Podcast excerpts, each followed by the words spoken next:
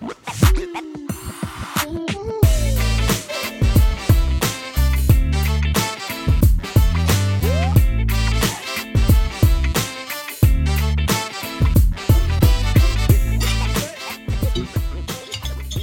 där mögelosten ser ju helt fantastisk ut. Mm.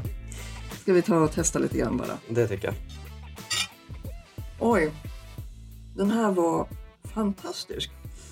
Mm, här, här sitter vi och mumsar ost helt ohämmat.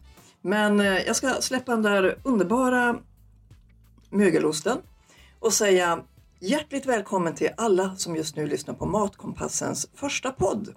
Och jag ska också säga välkommen till Elis Tedebring som är vår första gäst. Tack.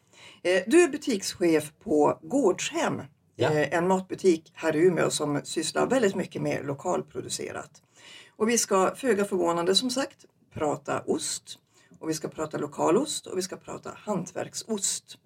Men jag tänkte börja med att be dig berätta om det som gjort er lite känd kan man säga. Nämligen de här digitala ostprovningarna. Ja, men vad är detta? kul att du frågar. Det är ju, ja, vi ska väl säga en innovation vi fick just med när pandemin kom fram. Eh, vi var ju taggade på fysiska utprovningar och ja, men också ganska unga i företaget så vart det som en ut och erövra världen liksom. Ehm, Så de digitala provningarna vart ju ändå ett sätt att förmedla de här smakerna men att du kunde sitta hemma och smaka dem tillsammans med oss medan vi snackar på om det här. Men det, hur går det till? Alltså folk hämtar upp ost hos er och sen samlas alla framför en dator där ni leder träffen. Alltså, berätta. Ja, men lite så ja. Eh, man skriver upp sig på en lista helt enkelt och eh, vi förbereder en påse.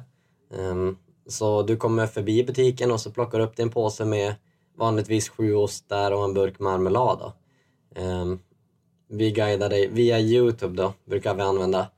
Som en, eh, det blir en live-video där då, där vi berättar om producenterna, om olika ostarna sådär och så tar vi det i en, i en stege sådär från, från mildast till mest smakrik och ja, men det brukar vara kul. Spännande. Hur, många, hur många brukar det vara med ungefär?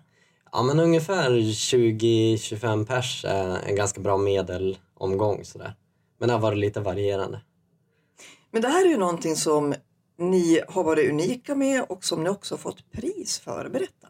Ja men precis, vi fick ju årets turismpris som vart lite annorlunda i år eftersom det delades ut ett pris per, per län då. Eh, Så vi fick ju just för vår eh, innovation med ostprovningen som en, som en snabb anpassning under pandemin. Sådär. Hur, hur stort skulle du säga är intresset för lokal ost? Växande, helt klart. Ehm, Jag tänker att när man har provat parmesanosten och brieosten och så vidare så vill man som hitta någonting nytt. Ehm, Sen gillar ju folk den lilla producenten som ger det lilla extra och driver vidare små företag. Ehm, Så det blir väl en, ett kombinerat eh, intresse av det lokala och av smak, ska jag säga. För det, nu, nu bor ju inte alla i Umeå som kommer att lyssna på den här podden så att jag ska väl kanske förklara lite grann att butiken Gårdshem är ju, eh, säljer ju många typer av lokala varor. Det är ju både kött och det är dryck och det är allt möjligt. Men, men jag tänker just, vad betyder osten för er verksamhet? Det är någonstans det vi vill syssla mest med egentligen. Ostdisken är ju en rätt stor del av butiken men sen vill vi ju kunna erbjuda så mycket som möjligt. Så det blir ju kombinerat med drycker och marmelader och um, såklart även kött och charkuterier från lokala producenter. Så det blir ju i stort och mer som en delikatessbutik än, än bara en ostbutik. Eh, och, det, och sen tänker jag också att vi måste ju definiera det här med hantverksost som man pratar allt mer och mer om. Och här har man ju på namnet att men okej, det här är lite finare. Men vad är en hantverksost? Som jag ser det så är det ju en mer småskaligt producerad ost och eh, med mer, det blir liksom en mer finess och det blir unikt för varje mejeri. Um, en stort producerad ost blir ju mer förfinad, den är ju alltid pasteuriserad för att hålla samma mått och så vidare. Um, hantverksosten kan ju också vara pasteuriserad men det blir som en, en unikare ost helt enkelt, i mindre skala.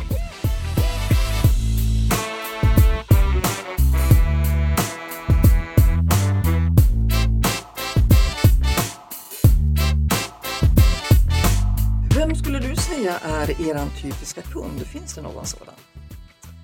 Ja, men det ska jag nog säga är en person i ungefär 40-50 års åldern som är väldigt intresserad av mat Eh, lägger lite extra på att få en riktigt bra smak sådär. Eh, och sen vill stötta det lokala. Och ja, men glider förbi efter jobbet sådär och vilket också är lättare sen vi flyttade till ett centralare läge. Eh, jag, jag, tänker så här, ja, men, men riskerar osten att bli en ny slags så här eh, vad ska jag säga, medelklassfälla? Att det blir liksom en så här statusmarkör att det finns finost och så finns det fulost? Jag tror vissa tyvärr vill se det lite så men eh, för mig är det inte så. Det är ju, jag är ju en enorm entusiast eftersom jag jobbar med det. Men som jag ser det så är ju en spansk ost lika god. Det, man, man, får ju som variera sig lite grann. Mm. Eh, men som vi brukar säga om var femte ostbit du äter är lokal så gör det ju det lokala en tjänst. Mm. Det gäller ju också att hålla det, ja, men den lokala ekonomin och eh, miljön gällande att man fraktar osten och så vidare. Det finns ju många, många plan i den frågan. Mm, det finns många aspekter på, på just det här att köpa lokalt. Mm. Och jag tänker att ost är ju ändå en ganska enkel grej att köpa lokalt. Ja, det, det, är som så här, det, det, det, finns ju, det produceras och man behöver liksom inte gå långa omvägar för det. Utan Verkligen. Det, men om vi tittar nu på, för du har tagit med dig tre ostar in i studion som mm. vi satt och goffade på till att börja med. Och nu tänkte jag berätta lite mer om de här tre ostarna. Ja, men, eh, jag tog en så stor variation som möjligt och sen det jag tycker är extra kul just nu då. Eh, så vi har en hårdost på getmjölk. Eh, väldigt bekant smak sådär, den är krämig, den är lättsam. Ehm, sen går vi till en lagrad mögelost som får fram en väldigt speciell karaktär. Du får ut mycket sötma ifrån mjölken, just den här på ko då. Eh, sen bildas det lite kristaller och sådär så du har en lite varierad konsistens. Eh, och så mögelinslaget då. Sen har vi en personlig favorit, en långlagrad fjällkoost. Eh, supersmakrik, den är opastöriserad. Det är karamelliga toner, det är salt och det är ja, men magiskt gott alltså. Den bara spinner vidare på tungan. Det, nu, nu, jag, jag har fått tusen frågor i huvudet. Alltså det är som så här, de, de är de är jättefina allihop och jag tänker första frågan är så här.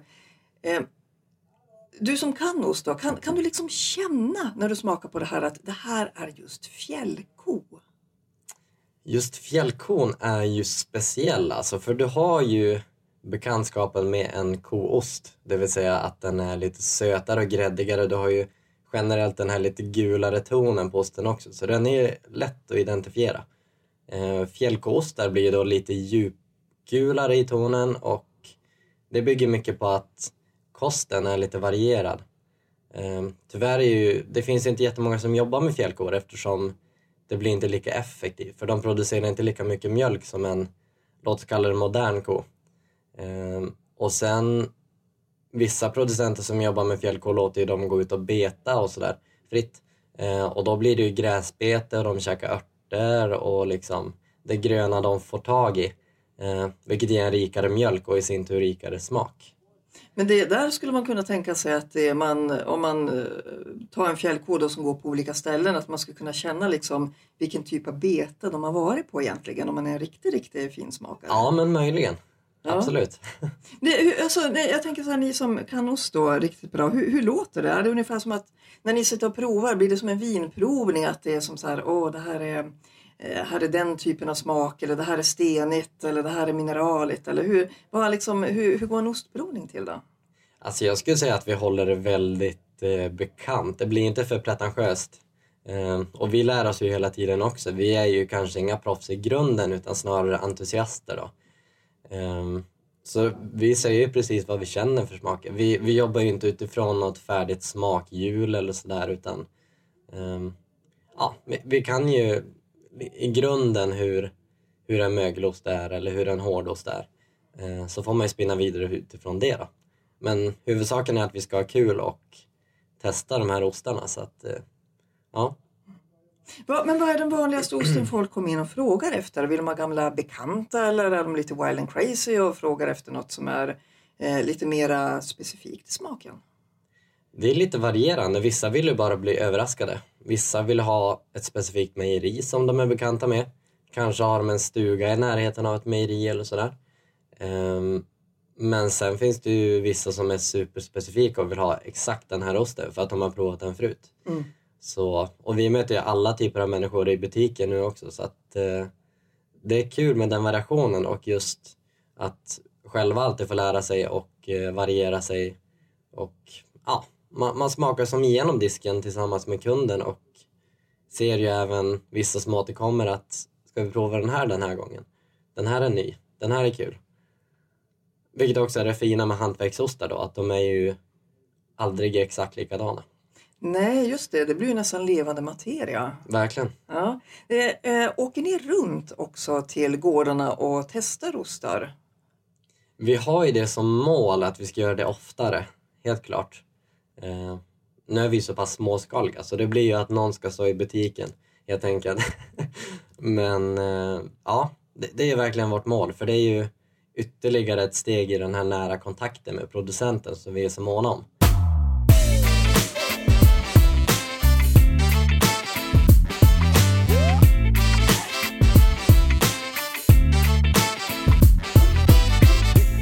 Vi har ju som ingen stor mötesplats där alla ostar finns att hämta utan vi har ju kontakt med varje individuell producent.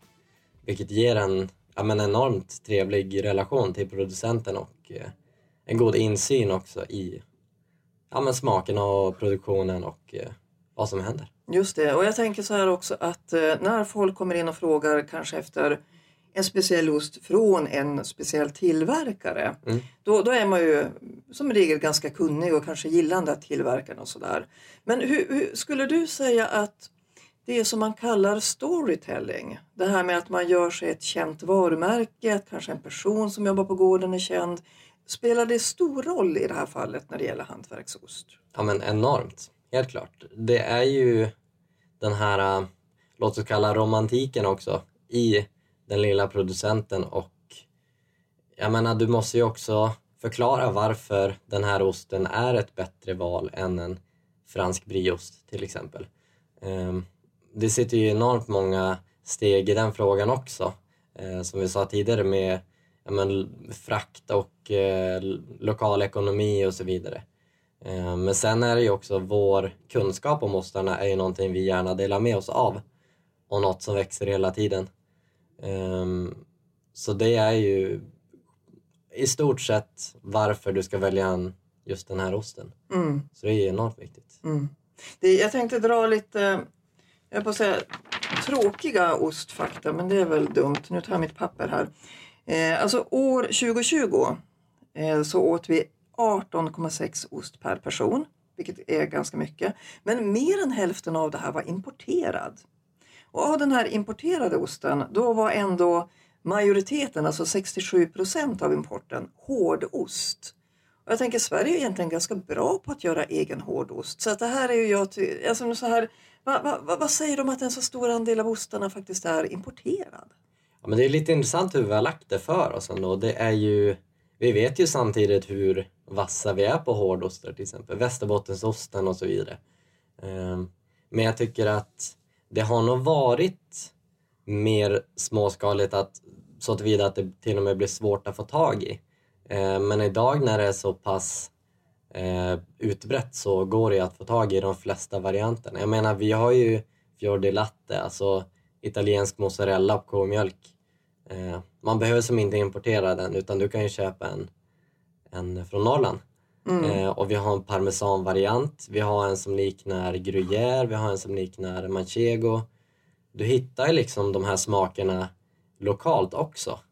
Eh, så det gäller bara att ta den tröskeln till att eh, testa en lokalost. Utmana sig själv och kanske lära sig en ny favoritost. Jag såg ett inlägg i tidningen Mathantverk att efterfrågan på just hantverksost faktiskt ökar mer och mer. Mm. Och att förmodligen kommer det vara så så småningom, kanske redan i år, att efterfrågan är större än tillgången. Så att uppenbarligen finns ju liksom det här suget efter hantverksost. Mm. Eh, varför tror du det har blivit så ändå? Jag menar, för det här är ju en positiv trend. Ja, verkligen. Men eh, jag tror nog också att pandemin har haft en in... eh, flikat in där också. Just att du har fått så att säga stanna hemma då i dubbel bemärkelse. Ehm, och kanske varat om det lokala mer då. Eh, så du har ju fått upptäcka de, upptäcka de lokala aktiviteterna, lokala producenter eh, och sen även lära sig hur viktig den lokala ekonomin är. Att ponera att gränserna stängs så är det ju viktigt att vi har matproduktion som funkar här också. Ehm, så det är viktigt och jag tror att många har lärt sig mer om det under den här tiden. Mm, man har fått tänka och kanske haft tillfälle att smaka lite annorlunda då och liksom prioriterat om. Precis. Och sen tror jag också att fler har unnat sig riktigt bra mat när man har bara jobbat hemma. Liksom. Nå- någonting kul ska man ha, tänker Mm, jag. ja men precis. Eh, har du någon egen riktigt eh, speciell ostupplevelse du skulle kunna dela? Ja, alltså jag har ju en personlig favorit och det är ju en av de här som ligger på tallriken framför oss här. Eh, och den är alltså, jag blir nykär varje gång jag äter den. och det, är, det har som varit en, just den i fjällko då. Så det har liksom varit någonstans den första osten som jag blev riktigt taggad på när jag började jobba med det här. Och någonting som jag fortsätter vara riktigt taggad på. Um, så jag har väl inget sånt där nostalgiskt minne utan det här är ganska färskt för mig också eftersom jag inte har varit med. Jag har ju bara jobbat med det här i ett och ett halvt år men det finns så enormt mycket att gräva sig djupare i och det är så roligt att jobba med de här smakerna och eh, ja. Så att det är nog kanske den osten då som är den har legat nära hjärtat hela tiden liksom. Hur, hur äter man den bäst? Hur äter man en sån där riktigt, riktigt fin ost? Hur ska man kunna tillgodogöra sig den riktigt bra?